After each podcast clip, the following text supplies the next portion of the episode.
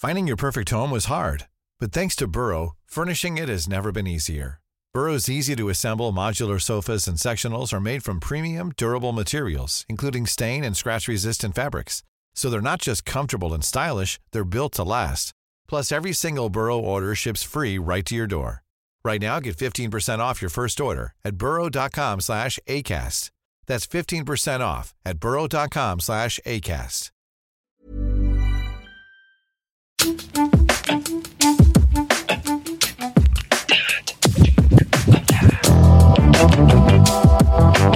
Thank you. Hej och välkomna till Britta och Parisas podcast. Det är dags för avsnitt 47. Varje vecka pratar vi om viktiga snackisar, eh, otroliga nyhetshändelser Ja. och popkulturella fenomen och så vidare. Och just denna vecka bland annat om porrmissbrukande Kanye West och kopplingen från det till SDs nya offerroll. Och så utsätts jag för en attack faktiskt, kommer vi fram till tillsammans, som känns väldigt 2019 och eh, rör en hemlighet som vi sitter på. Så det är ju väldigt smaskigt. Och som vanligt får ni jättegärna prenumerera på podden och ratea den där man kan. I diverse appar, gissar vi. Och lämna en kommentar, skriv något gulligt så blir vi jätteglada. Ja, fan. Välkomna! Hej!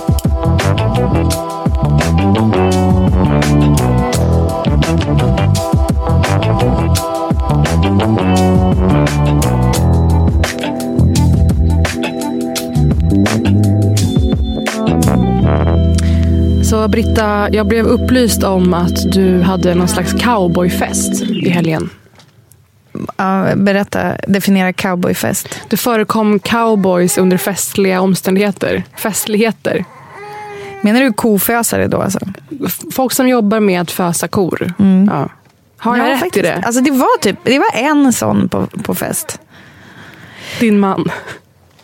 Nej, nej, det var en som spelade i det här bluegrassbandet som också uppträdde. Det såg du kanske? Alltså, vad pågår ute på ladan? Det känns som att det är någon mormonsekt som härjar.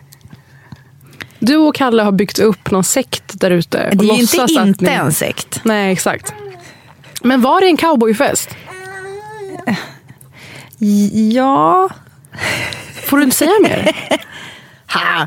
Eh, mitt häxskratt kan vi klippa bort. Nej, men, eh, så här var det. Vi hade arbetsdag. Alltså, jag kom på den här briljanta idén. För att vi behövde göra en del grejer på gården som krävde lite eh, manstyrka. Säger man Ja. så? Och då, alltså självklart så skulle jag ju ha bjudit in dig i Paris Amiri Ja. om jag trodde att du var peppad på att flytta en fårhage. Du pratar med en person som är 29 år gammal och singel. Jag hade uppskattat att vara i sällskapet av diverse manstyrka som kan fösa ett gäng kor.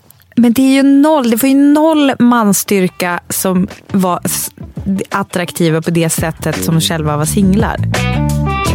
Fan, jag vill skämta om det men jag vågar inte.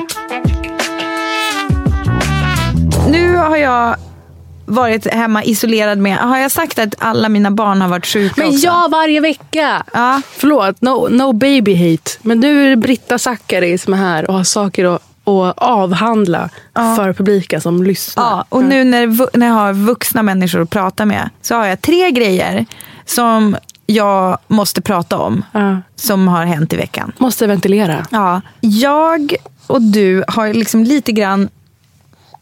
Ibland så glömmer vi bort att prata om våra, våra liv som vi lever IRL. Alltså saker som faktiskt kan vara intressanta för våra lyssnare. Vad kan det vara? Alltså det finns en jättestor grej som vi inte har tagit upp. Som, och som vi heller inte har pratat med varandra om. Oj, men- för att det är en smärtpunkt oss emellan. Nej, men alltså för att det... Eh, jag vet inte. Men vi, att vi vet hur Alex Schulmans nästa bok ska sluta. Eh, det har vi faktiskt inte diskuterat sinsemellan. Jag tror att eh, Alex gjorde en Ruben Östlund på oss. Eh, Ruben Östlund har blivit känd för att han på middagar och annat gärna bjuder in själv till middagar. Där han sen i ett sällskap av medie och kulturmänniskor testar olika premisser på dem. Och märker av reaktionerna att så här, det där tycker folk var intressant. Det där var lite oklart. Ja. Och så finjusterar han berättelsen utifrån det innan han börjar själva inspelningen. Ja, fast det var ju som att han sa vilket jag också påpekade vid tillfället, jag var också lite, eh, liksom, jag kände att jag var extra så här, Mm. oj min, min bebis sover äntligen, nu kan jag prata med vuxna. Oj nej, jag har glömt hur man pratar med vuxna. Eh, så att jag var absolut socially awkward, men Du det var som att han bara, han bara, nu ska jag testa en grej på er. Och jag bara, fast var det verkligen att du testade på oss? Så var det inte mer att han bara ville berätta? Och så tänkte jag så här, vad betyder det här? Att han ville berätta för oss hur hans bok slutar. Alltså det här hände på Brillo, för er som inte omedelbart gissade er till det. Alltså Kjulmanscentralen mitt i Stockholm. Eh, vi gick dit efter en av Det våra är alltså en inspelningar. restaurang. Det är en restaurang där de verkar ha eh, faktura. Så hela, hela klanen är alltid där. Mysigt ändå. Eh, och då testade som sagt Alex eh, inte bara premissen på sin nya bok utan faktiska slutet. Ja. Spoilade, vi som ändå tycker om att läsa Spoilade hans hela böcker. boken. Men sen så undrar jag också, för alltså det, det är två frågetecken i mitt huvud. Det ena är så här, hur, är det, hur många gånger, jag känner att vi liksom på, ändå på något sätt har pratat om familjen Schulman orimligt mycket i den här podden i förhållande till hur mycket vi egentligen går och tänker på dem. Vilket inte är faktiskt jättemycket, för min del i alla fall. Jaha. Och sen nummer två, är det liksom, är det därför han sa det? Så tänker jag.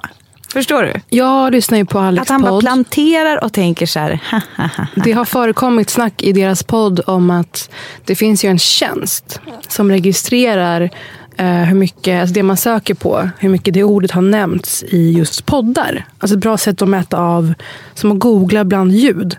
Och då vet jag om Nej, att Alex Schulman Ja. söker ibland på sitt namn. Alex Schulman.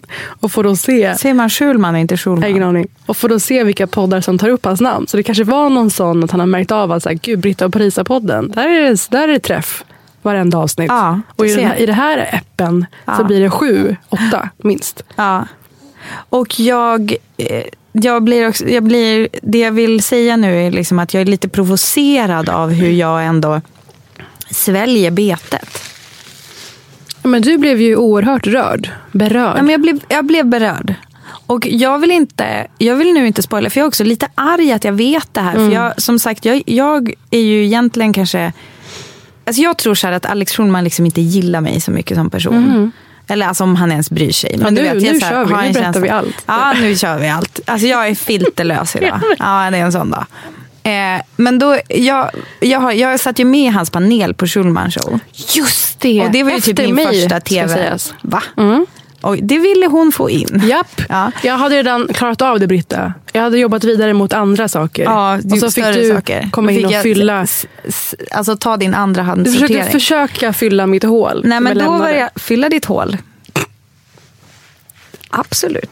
Ehm, då var det i alla fall så att jag fick hela tiden känslan av när jag satt i den där panelen att så här, han gillar inte riktigt mig. Mm. Och sen så var det typ att vi hade en slutfest och då sa typ Kalle Schulman till Mm. Alex Schulman, vilket också är så jobbigt att det var, det var liksom han som var min bundsförvant. Att han bara, Ja. han bara, se jag sa ju att hon var typ ex. Eller något, alltså typ rolig eller någonting. Och att det, Det man märkte så här, att de en- hade tjafsat sinsemellan om att Alex inte ville ha mig där. Det låter som en mening killar emellan när en tjej gör något skönt.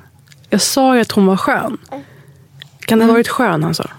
Nej, men det, nej det, var, det var mer så, här så att jag, bara, jag fick liksom tillfälle att säga. Jag, visste, så här, jag visste det. Men jag liksom var också den som rekryterades av Kalle. Både till Tusen apor Ja, och okej. till Schumann show. Och Kalle är väl den som har bäst kvalitetskoll av bröderna Schumann. Är det vår slutsats? Och Nej. att vi vet slutet. Nej men för då är det ju det här med att, att jag då liksom motvilligt lite grann. Alltså jag, jag måste säga, jag tycker ju om Alex Schulman som författare. Så jag tycker Stilist. Bränn mina brev Ja.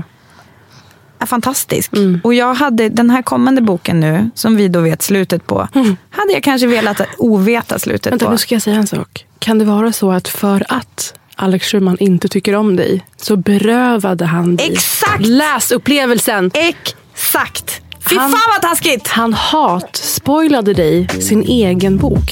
Och där har vi mönstrat ett nytt uttryck, hatspoila. Nummer två. Mm. SD är skitstora. Jag har ju just nu eh, karens med SVT. Mm. Så att jag kan inte säga vad jag tycker om SD.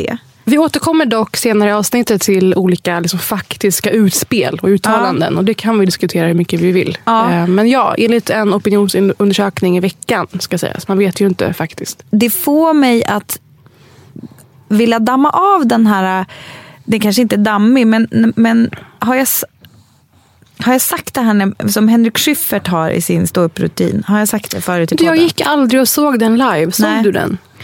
Var Eh, inte rädda. Nej, jag har inte sett den live, men jag har hört honom, jag har hört det skämtet. Alltså jag har... Alltså liksom Alex Schulman har han testat olika slut Ja. och innehåll på dig. Precis. Det är lite svårt eftersom jag har inte Henrik Schyffert exakta citat och jag kommer inte dra hans stand-up-rutin. Men poängen som han vill göra är så här, vad, så här, låt dem kliva in och prata om typ så här, pensionsförsäkring. Sen så har jag funderat på, njutit av, AOC som frågar ut Mark Zuckerberg. Ja. Det? Herregud. Herregud. Men att det är så att det, det är så basala frågor hon ställer. Ja. Och, och den metoden har varit så sjukt effektiv för henne. Eh, för alla andra, jag vet inte vad de gör riktigt. Could I run ads targeting Republicans in primaries saying that they voted for the Green New Deal? Sorry, I, I, can you repeat that? Would I be able to run advertisements on Facebook targeting Republicans in primaries saying that they voted for the Green New Deal? I mean, if you're not fact checking political advertisements, I'm just trying to understand the, the bounds here. What's fair game? I, uh, I don't know the answer to that off the top of my head. I think. So you probably- don't know if I'll be able to do that. I think probably. do you see a potential problem here with a complete lack of fact checking on political advertisements? Well, Congresswoman, I think lying is bad, and I think if you were to run an ad that had a lie, that would be bad. That's different from it being, uh, from it, from, for in our position, the right thing to do to prevent uh, your constituents or people in an election from seeing that you had lied. Men varför njöt du?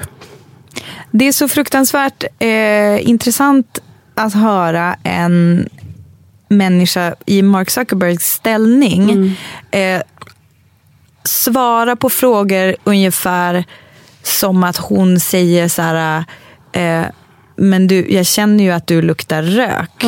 Är du säker på att du inte har rökt? Och han bara, mamma, eh, det var så här, eh, det var några kompisar, eller Det det var någon annan, de andades på mig. Alltså typ den, han, har liksom, typ, han är typ lika cool när han svarar på de här frågorna som en tonåring som typ, typ håller på att bli ertappad med tjuvrökning. Att det är så genomskinligt vad han precis har varit med om. Ja, men alltså, han stammar, han, han har svårt att uttrycka sig på ett vettigt sätt och han är ändå en av typ världens mäktigaste människor, i Ja. alla fall rent pengamässigt. Nej, men jag var på en eh, var på festival. förhöret. South, dels det. Jag var på en festival, eh, South by Southwest i Austin, Texas. Där det var en, en debatt som handlade just om eh, Twitter och Facebook som världens två eh, absolut mäktigaste ansvariga utgivare. De dikterar det offentliga samtalet. Och när man får inramat så, så fattar man hur viktigt det är att makthavare pressar dem, eh, att de faktiskt har svaren på våra frågor.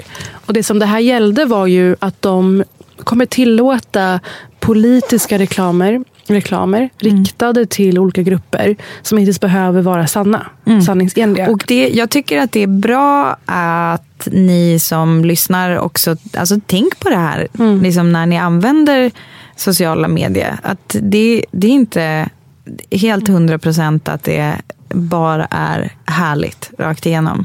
Jag själv är ju knappt aktiv på Facebook, men folk som använder Messenger eh, Många som jag känner säger ju att det kan typ vara att de har pratat om eh, så här, vi måste köpa en ny gräsklippare. Alltså sånt man inte vanligtvis pratar om. Och sen så får de så här, reklam på Facebook om gräsklippare.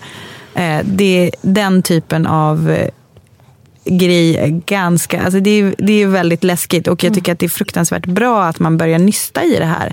Liksom, man, från, med AOC i spetsen. då. Man utmålas ju som en foliehatt så fort man är lite nojig. Jag vet. Men ibland så finns det skäl Ja. att vara nojig. Okej, mina tre som jag har avnjutit eller vill reagera på den här veckan hänger alla ihop på något sätt. Och det är nämligen så att alla tre grejer är folk som har slagit ihop sina påsar och gjort någonting fantastiskt ihop. Oho. De flesta har ju snackat om Kanye Wests nya skiva denna vecka. Jesus is King. Kanye West återkommer vi till senare i avsnittet av andra skäl. Som har lite mer med eh, porr att göra, givetvis. Bra tease ändå. Men veckans artist måste jag säga är Sveriges svar på någon slags Stevie Nicks, Lana Del Rey. Vet du vem det kan vara? Som har en ny skiva ute. Tove Lo. Fan. Intressant gissning. Nej, det är såklart Sara Klang med sin uppföljare till debutskivan som är ute nu med Creamy Blue, album nummer två. Let me hold you tight. It's been heaven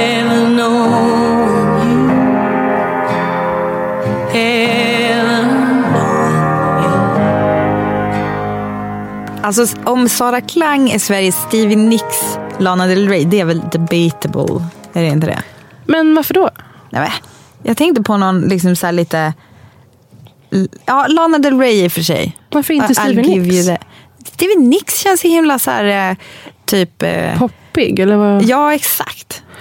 Alltså det jag kan störa mig på med LDR, Lana Del Rey, är ju det här nästan posöriga eh, sexy baby-vältrandet Ja. i misär. Ja. Eh, fruktansvärt trött och less på Vet det. du, får jag säga en grej? En gång har jag varit tvungen att be någon att stänga av Lana Del Rey för jag fick så mycket ångest. Alltså hennes musik vibrerar i mig på ett sätt som typ ger mig ångest. Ja, eh, det är jag väldigt trött på. Men just när det kommer till de här stora känslorna. Sara Klang eh, kallar sig själv för typ the saddest girl Ja, in är Sweden. kul. Det är roligt.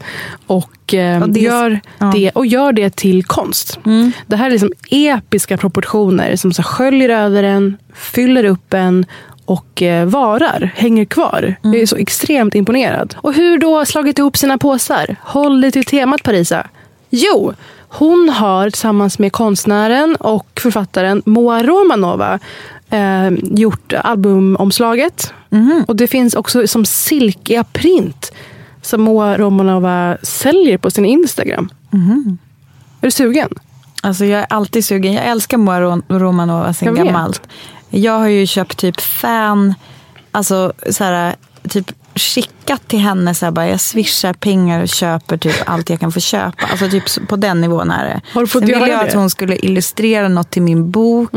Ja, men jag gillar henne jättemycket. Och hon och Sara Klang är ju kompisar privat. De är Det Alla vi fruktans- som följer dem på Instagram vet det. De är fruktansvärt coola. Och Moa Romanova seriedebuterade ju med Alltid fucka upp. Otroligt hyllad. Och eh, nu har de slagit ihop sina påsar och gjort lite god konst. Utöver då Sara Klangs andra skiva. Britta, hur skulle du säga att jag ställer mig till saker som mat, humor, kultur, resor? Du hatar det. Jag hatar det. Jag vill bränna skiten. Ja. Nej, men på riktigt. Vänta, mat, humor, kultur, resor. Va- Det är väl allt som livet har att erbjuda? Mig, ja. Förutom, släng in ett sex där också. Återigen, mig. Eh, ja, de här sakerna är hela fundamentet i min tillvaro och allt jag drömmer om och bryr mig om.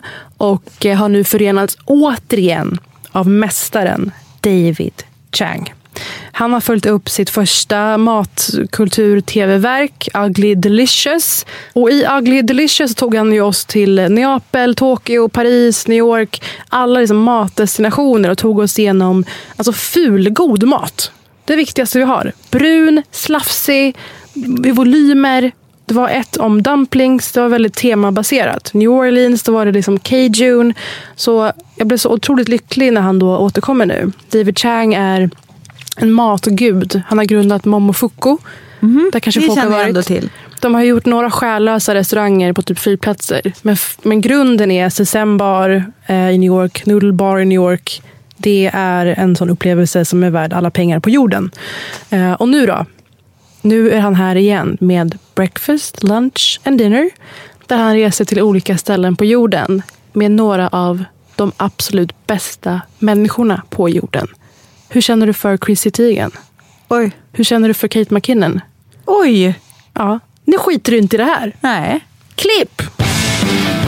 I like countries that there's no cohesive American conception of what is there. It's really perfect.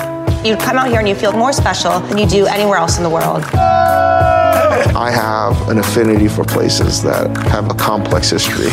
Men får jag bara fråga, för jag tittar ju inte på mat-tv. Jag kan, jag kan liksom inte riktigt eh, eh, förstå vad det går ut på. Alltså är det typ så här, eh, här eh, får man recept? Är det, eller så här, går, åker de till, lagar han mat åt Chrissy Teigen? Hur, hur är upplägget? Um, alltså jag är nog inte intresserad av recept-tv, nej. Utan för mig är det just det kulturella.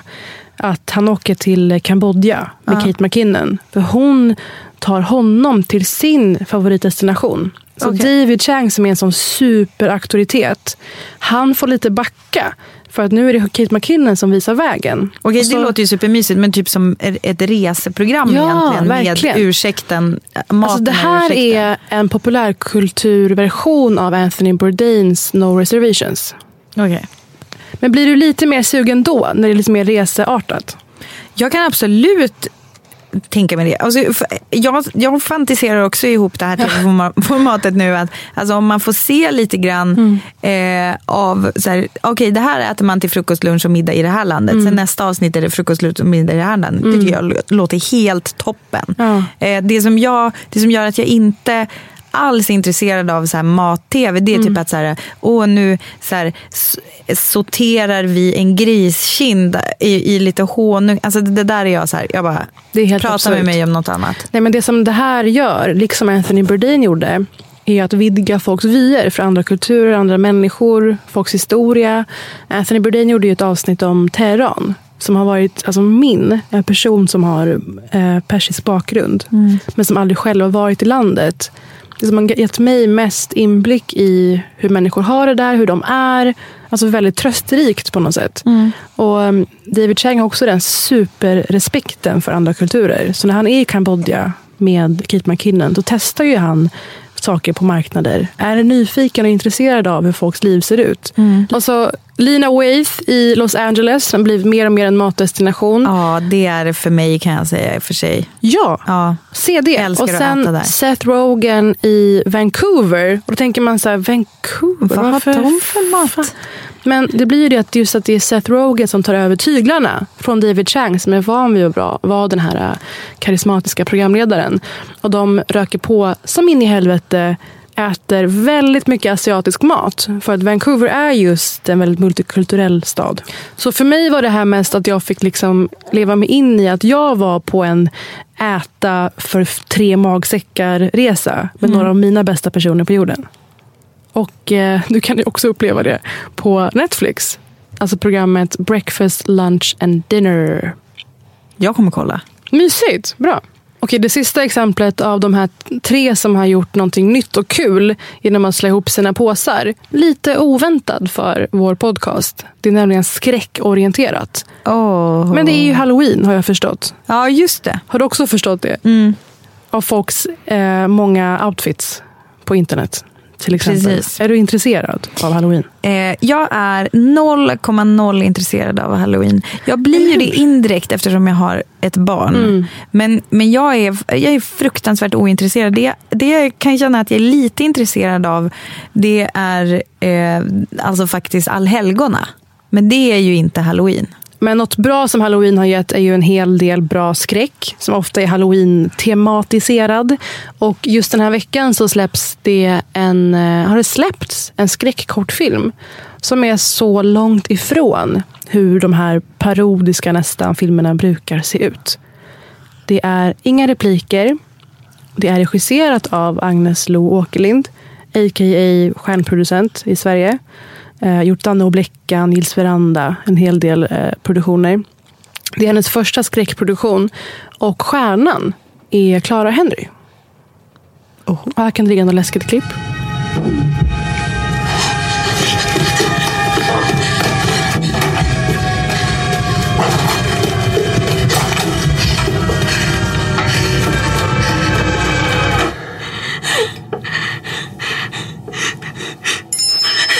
Och det sjuka är att det är inga repliker i hela kortfilmen. Ja, men alltså, jag tycker det låter bara ännu läskigare. Alltså det fin- så här, Ja. jag, jag har ju inte sett många skräckfilmer. För att jag fattar inte. Så här, eh, alltså jag känner så här, jag lever i skräck i livet nog ändå. Jag behöver inte så öka på det när jag ska koppla av och se en god film. Nej, då vill jag se eh, liksom, någon, härlig, någon härlig film som får mig att må bra. Gräns var ett undantag, absolut. Den mår man jättedåligt av, men den måste man se. Men jag har sett en film som heter Hotell. Som är eh, alltså för jättelänge sedan. Men den var också, det var så sjukt mycket tystnad. Ja. Rakt igenom. Så, vilket var, bara ökade på läskighetsgraden. Så att jag kan absolut köpa det här. I skräckkortfilmen Follower alltså, så får vi se Clara Henry som en eh, influencer. Vi får se att hon har över en miljard, miljon följare. Och eh, att det precis har varit ettårsdagen för att någon som verkar ha varit nära henne har gått bort. Hon åker själv ut till ett hus på landet. Och resten av historien berättas genom DMs inflikade i bild. Och eh, det eskalerar något fruktansvärt. Jag såg det här i morse i min säng i liksom morgonljus och allting och blev ändå skräckslagen. Det är fruktansvärt välgjort verkligen. Så fira halloween med att söka upp eh, Follower. Alltså en skräckkortfilm. Den finns på Youtube. Man kan söka på Follower och Clara Henry. Ett hett tips om man inte kan det här med Youtube-sök. Och man äl- liksom älskar att vara ensam hemma, låter det som. Det är sju Ute minuter. på landet. Exakt. Alltså jag kan inte se Åh, den här. herregud, Varför här är- berättar du ens för mig att Det det här här är ditt liv. Ja. Ja, det här är mitt liv. Varför berättar du? Varför säger du det här till mig? Nu kommer mina fantasier om Mm. vad det står i de här DMsen och hur det eskalerar. Det kommer vara nog för att jag kommer vara livrädd ändå. Förlåt, men det här är faktiskt så nyskapande och snyggt gjort som väntat av den här duon, powerduon om man så vill. Och Clara Henry har ju verkligen bevisat sig som skådespelare innan med Sjukt oklar. Den här serien som, där en vuxen kvinna fikar att hon är tonåring för att kunna gå ut gymnasiet.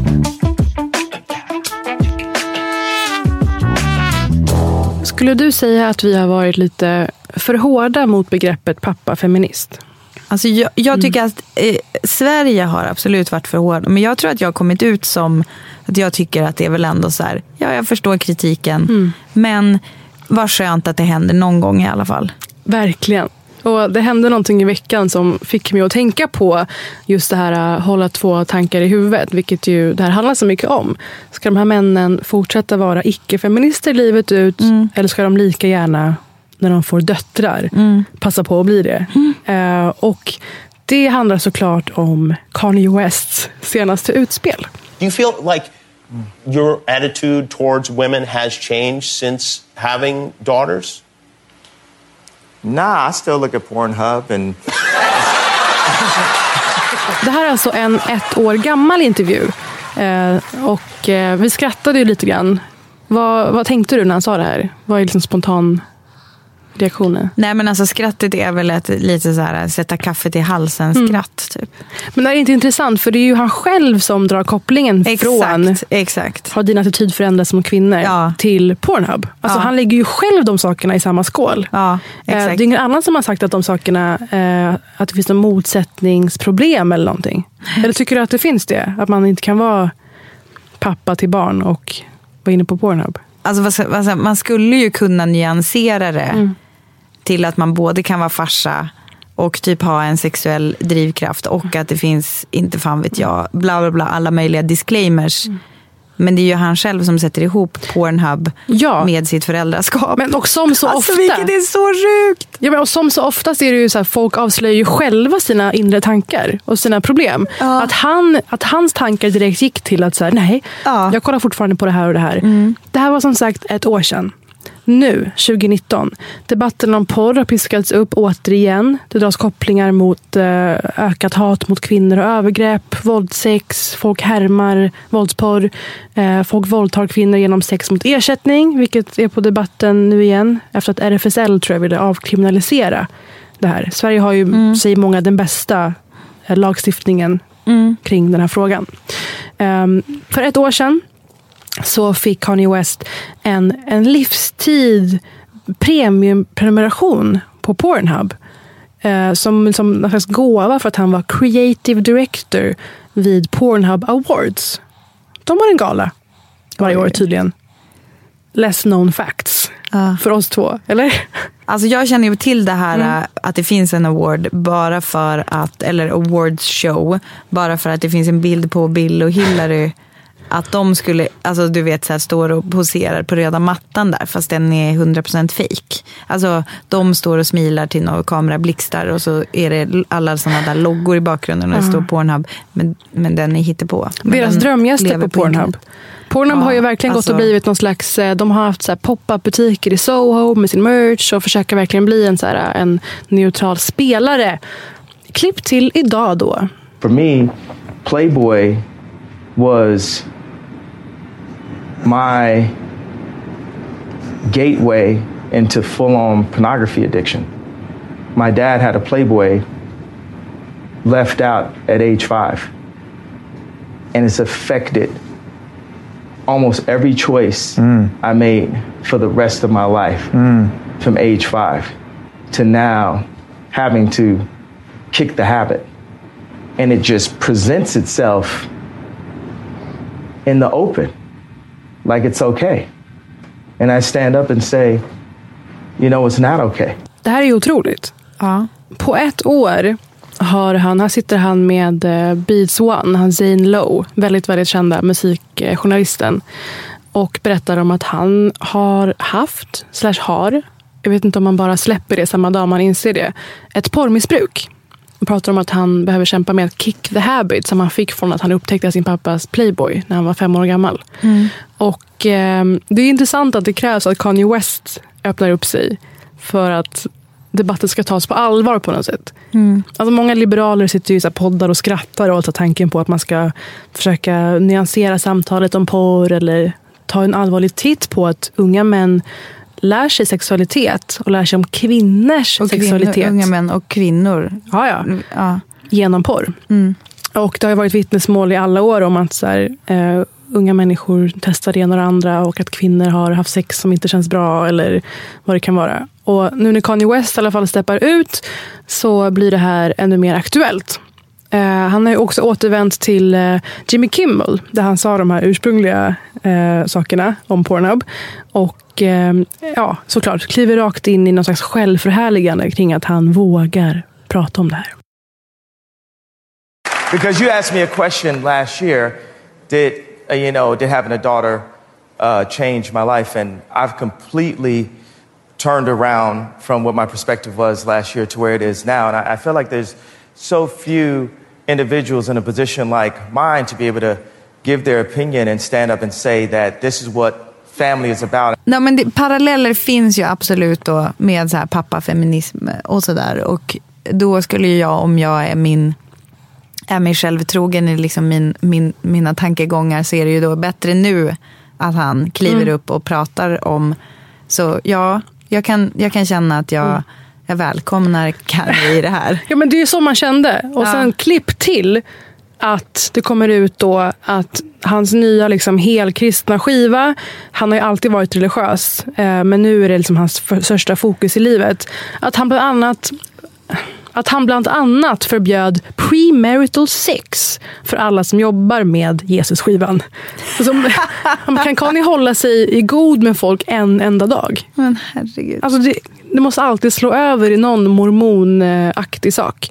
Vi snackade om religiös pop för några veckor sedan. Och nu står vi här, religiös hiphop. Och eh, någon slags gammeldags förlegad syn på sex. Han har också gått ut och det läckte ett klipp från eh, Keeping Up With The Kardashians. Där han skäller på Kim, att hon är för sexigt klädd. Ironin. Han är det som har, som har eh, piskat på den här utvecklingen hos henne. Absolut. Själv tagit bilder på henne där hon är helt naken och lagt ut och sådär. Hora och Madonna. Hora och Madonna. Varför tar jag upp det här då? Eh, dels på grund av skivan Jesus is King. Har du hunnit lyssna någonting än? Nej, inte alls faktiskt. Har du? Nej, ja men lite. Alltså, det, den är inte lika omedelbar som hans tidigare skivor. Jag är ju ett väldigt stort fan av Kanyes eh, musik. Ja, måste jag med faktiskt. Ja. Alltså, delvis motvilligt, men nu kanske man kan... Men som med må- många konstnärer så är många av dem eh, djupt motsägelsefulla, inkonsekventa, märkliga och gör fantastisk konst. Likaså Kanye West. Ehm, Men med detta färskt i kroppen, påminnelsen om fenomenet pappa feminist, eh, så såg jag en första sida på en kvällstidning och kände att det här behöver också en liknande etikett. Eller två. Första sidan berättade nämligen om detta. SD-toppen, Mattias Karlssons flickvän, utsatt för rasism. Gick du Ja. förbi någon löpsedel i helgen och såg det här? Ja. Mhm. Jag, jag såg det och så kände jag, jag orkar inte. Så kände jag eh, initialt och sen så köpte jag inte tidningen men absolut klickade mig in på artikeln hemma, väl hemma igen. Och Det känns som att ett liknande begrepp behövs i frågor som rör rasism. Nu tänkte jag att vi tillägnar denna artikel etiketten veckans brunklick. Alltså det återkommande formatet i podden där vi lyfter olika eh, tidningars eller sajters artiklar som lite, lite kittlar en läsarskara som är lite, lite sugna på åsikter som rör sig åt det, det väldigt, väldigt konservativa hållet. Fast här, har han ju, här måste jag ändå ge rubriksättaren, eh, redigeraren, att det är, faktiskt är någonting som tilltalar eh, alla läger skulle jag vilja säga. För att det är ju någonting djupt mo- motsägelsefullt bara i själva företeelsen. Då. Och jag menar inte bara att prata om det, utan hur intervjun eh, gick. hur de hanterade Mattias Karlsson och frågan. Det var det som var ogenerat, underdånigt, storögt. Det, bland det mest okritiska jag läst i en intervju om en toppolitiker eh, någonsin. Hej kära partivänner. Det är fantastiskt att se så många Sverigevänner i en och samma lokal. Det värmer verkligen i hjärtat. Jag skulle inte vilja gå så långt som att säga att Stefan Löfven är en skamlös lögnare, men om han hade haft en näsa som var som Pinocchios, då, då kan jag nästan lova att han inte hade kunnat ta sig in i Rosenbad längre, för näsan hade varit i vägen när han skulle öppna dörren. Expressen kan nu också avslöja att SD-toppen Mattias Karlsson själv skrivit anonyma artiklar för hatsajten Avpixlat. Du, hur kommer det sig att du har skrivit artiklar på Avpixlat anonymt? Har jag gjort det? Det är ingenting jag känner till. Mm. Så här kommer fyra grejer, alltså citat ur intervjun med Mattias Karlsson. Nummer ett. Är SD-toppen Mattias Karlsson en hårdför nationalist som bara bryr sig om att segra eller dö? Citationstecken. Eller är han en känslig mjukis som ofta blir dumpad, deprimerad och utbränd? Känslig mjukis. Redan i ingressen slår de fast att det bara finns de här två lägena. Och Det är så kul att det är de två motsättningarna. Antingen så kan man bara vara segra eller dö nationalist. Eller så är man faktiskt en mjukis. Och Det roliga är att det andra alternativet motsäger ju inte om han bara bryr sig om att segra eller dö. eller Nej, inte. Och, si- och svarar ju inte på det. Gör han det eller inte? Nummer två. Chocken att flickvännen med rötter från Indien blev utsatt för en hatattack i en nazistisk podcast. Citat. Jag är rätt van vid att hantera hat av olika slag. Men det här kändes bara så extremt orättvist. Det var en så pass smutsig nivå i det också. Man kom med sexuella anspelningar och den typen av saker och mer eller mindre dömde ut henne som person på grund av hennes hudfärg. Oh my god. Känner du till konceptet? Nej. Att döma ut en person av Nej. hudfärg? Vem skulle göra något sånt? Vem skulle göra något sånt? Alltså inte baserat på en persons personlighet. Nej, då har det ju att göra med liksom ens egna föreställningar och kanske rädslor som man har projicerat på den Mm. personens nationalitet. Va? Mm. Nej, det skulle väl ingen göra. Alltså fördomar och... Eh... Det finns ett ord för det här. Hmm. Det finns ett ord för det här och det finns en hel rörelse som har byggt upp det här under ett antal år. Am I right? Nummer tre. Det här kan man tycka att det är fair att han berättar om. Fruktansvärt att bära och så vidare. Det som utmärker intervjun, det som utmärker Mattias Karlsson. När han säger att någonting är extremt orättvist här, då menar han inte bara att som människa utsättas för rasism. Han tycker bara inte att det är befogat i just hans flickväns fall. Hon är nämligen född i Småland. Citat. Min flickvän är född i Sverige och har småländskt påbrå på ena sidan. Båda hennes föräldrar är svenska, men hennes mamma är adopterad från Indien. Hon har kanske en något mörkare hudfärg än många infödda svenskar och det ondgjorde man sig över. Britta, har du några tankar på varför Mattias Karlsson känner behovet att berätta att hans tjej faktiskt är född i Sverige och till och med har småländsk påbrå? Vad synd om honom att ingen bryr sig om att hans flickvän på pappret faktiskt är svensk. Mm. Och Eh, de- Det har ju aldrig hänt förut. Host. Eh, och då undrar man, hade det varit så att hon flyttat till Sverige vid tre års ålder? Hade det varit orättvist då? Om mamma faktiskt hade flyttat till Sverige från Indien och inte varit adopterad, Mm. hade det varit orättvist då också, Mattias Mm. Karlsson? Eller om hon flyttade till Sverige vid 13 års ålder? Eller 33 års ålder? Mm. För- Förstår du vad jag försöker säga? Att han så tydligt understryker att hans Ja, ja. flickvän ehm, faktiskt är född i Sverige. Det är att han visar på den illusion han har om att då borde hon vara eh, fri från de här fördomarna och rasismen som sprider sig i samhället. Mm. Det motsvarar typ att säga, nej men min dotter förtjänade inte att bli tafsad på eller bli våldtagen. För hon hade ingen kort kjol på sig.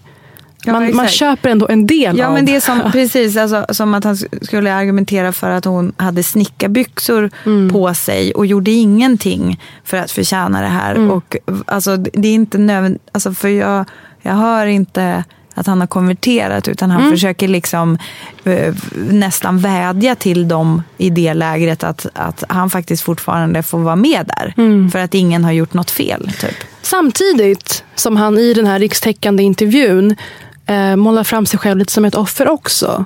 Och eh, SD på sin resa mot att bli Sveriges största parti vill ju göra upp lite med eh, sin historik, så att säga. Och eh, det förekommer på flera olika plan. Och liksom i Virtanens fall, tölpwashing, det avsnittet som vi hade när vi myntade det begreppet, så använder han saker som används emot honom för att måla upp sig själv som ett offer.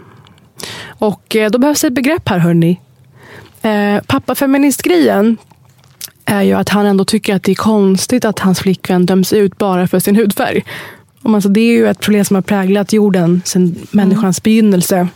Och eh, jag kommer inte på något bra så här, Mattias feminist eller någonting. Jag kommer inte på något bra ordagrant begrepp. Men det kan, det kan få vara en lex Mattias Karlsson. Ehm, som Chelsea Handler i White Privilege som vi pratade om. Att någon fick en svart pojkvän upptäckte, gud han utsätts för rasism av polisen. Lex Mattias Karlsson. Ehm, men varför väljer SD att berätta om det här då? Varför väljer presstopparna att gå med på den här intervjun i Expressen just nu? Veckan det kommer ut att de är näst största parti. Mm. Enligt opinionsundersökningarna. Att han är ihop med en person med utländsk bakgrund och han tycker att det är jättehemskt med rasism. Ehm, det finns ju ett begrepp här däremot. En slags omfattande rödwashing kan man säga.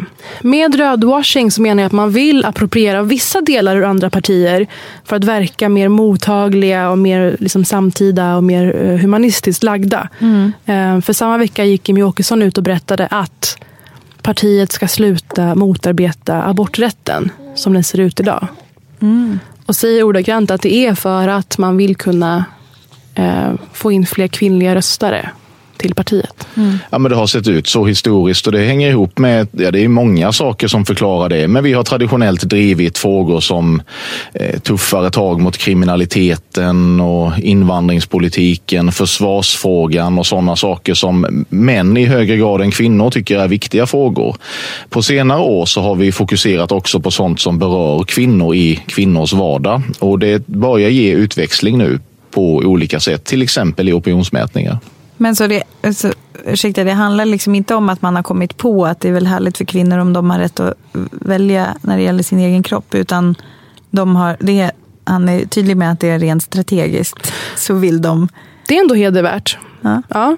Eh, Så det berättade Jimmie Åkesson samma vecka som den här snyfthistorien i Expressen. Och samma vecka av en icke-slump återigen så berättade Sara Rekkabarren, om man säger så, författaren om hennes nya bok insidan, SD-kvinnorna och partiet. Där olika kvinnor med historik eller faktiskt är fortfarande aktiva i partiet Sverigedemokraterna berättar om det motstånd och kvinnohat som de har mötts av. Och det är alltifrån att när man har eh, försökt lyfta ordet om att förskingring pågår i statskassan eller i kommunkassan. Blivit eh, utfryst, eh, blivit åsidosatt, kallats för lilla fitta och liknande. Alltså det är inte ens bara gällande eh, citationstecken kvinnofrågor utan Mm. det är då rent så här, politiskt tveksamma eh, politiska oegentligheter. Just det, som, som man har sen försökt har- flagga och sen blivit kallad Men som sen har läckt och Ja. lett till att folk har fått avgå och så vidare. Så den kan man eh, kolla upp, eller texter om boken, insidan SD-kvinnorna och partiet. Och eh, vi hälsar såklart till Mattias Karlssons flickvän. För det är faktiskt fruktansvärt det hon går igenom. Att det är en kultur och ett samtalsklimat i Sverige just nu som hotar människor till livet, hatar på människor för att de har en viss hudfärg. Britta, vi fyller ett år snart. Oj, vi fyller ett år. Gud, hur ska vi fira? Nej, men förstår du hur mycket som har hänt under det här året? Ja, faktiskt väldigt mycket. Kolla på oss nu. Barn har blivit till. Inte så Herregud. mycket med mig, men med dig har det hänt massa. Ja, med det har det också hänt väldigt jo, mycket. faktiskt. Och eh, mitt liv såg helt annorlunda ut för ett år sedan. Så även ditt. Och det är inte bara på grund av podden, men mycket på grund av podden, skulle jag ändå vilja säga. I alla fall i mitt fall. En summering kanske är på sin plats. Jag tror det. Och att ni får jättegärna vara med och nominera olika favoritavsnitt tycker jag. Ja, för året som har gått. Och allt detta kan ske på Britta och Parisa på Instagram. Där vi finns. Och hörs alltid, även när vi inte skickar ut nya avsnitt. Så Just det. Hitta oss där. Puss och kram! Puss.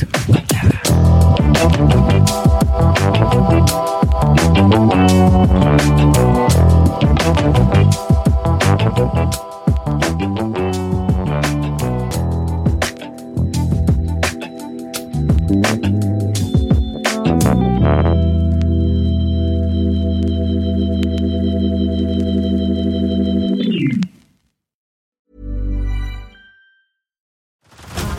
over to Hulu this March, where our new shows and movies will keep you streaming all month long. Catch the award winning movie Poor Things, starring Emma Stone, Mark Ruffalo, and Willem Dafoe. Check out the new documentary, Freaknik The Wildest Party Never Told, about the iconic Atlanta Street Party. And don't miss FX's Shogun, a reimagining of the epic tale, starring Anna Sawai. So, what are you waiting for? Go stream something new on Hulu.